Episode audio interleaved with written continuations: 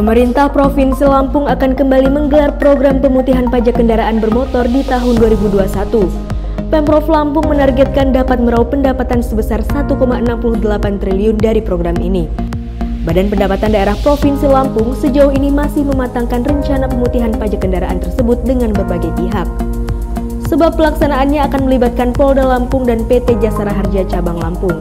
Terakhir kali Pemprov Lampung melakukan pemutihan pada Oktober tahun 2017 lalu yang merupakan kebijakan dari Gubernur Lampung saat itu Rido Fikardo. Untuk pelaksanaan pemutihan pajak kendaraan bermotor di tahun ini, Kepala Badan Pendapatan Daerah Provinsi Lampung Adi Erlansyah mengatakan pihaknya masih melakukan pembahasan dengan beberapa pihak terkait. Adapun target pendapatan dari pajak kendaraan bermotor sebesar 1 triliun dan bea balik nama kendaraan bermotor atau BBNKB sebesar 624 miliar. Menurut Adi, pemutihan pajak ini bertujuan untuk memberikan pelayanan kepada masyarakat selaku wajib pajak. Selain itu, pemutihan ini juga untuk pendataan ulang kendaraan bermotor yang berada di Lampung.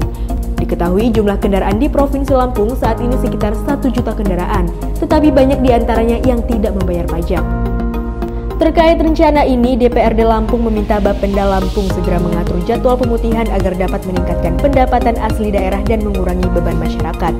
Namun Bapenda harus menyiapkan seluruh teknisnya secara rinci termasuk SDM serta sarana dan prasarana yang akan disediakan. Selain itu, penerapan protokol kesehatan juga harus dipastikan selama menjalankan program pemutihan pajak kendaraan bermotor.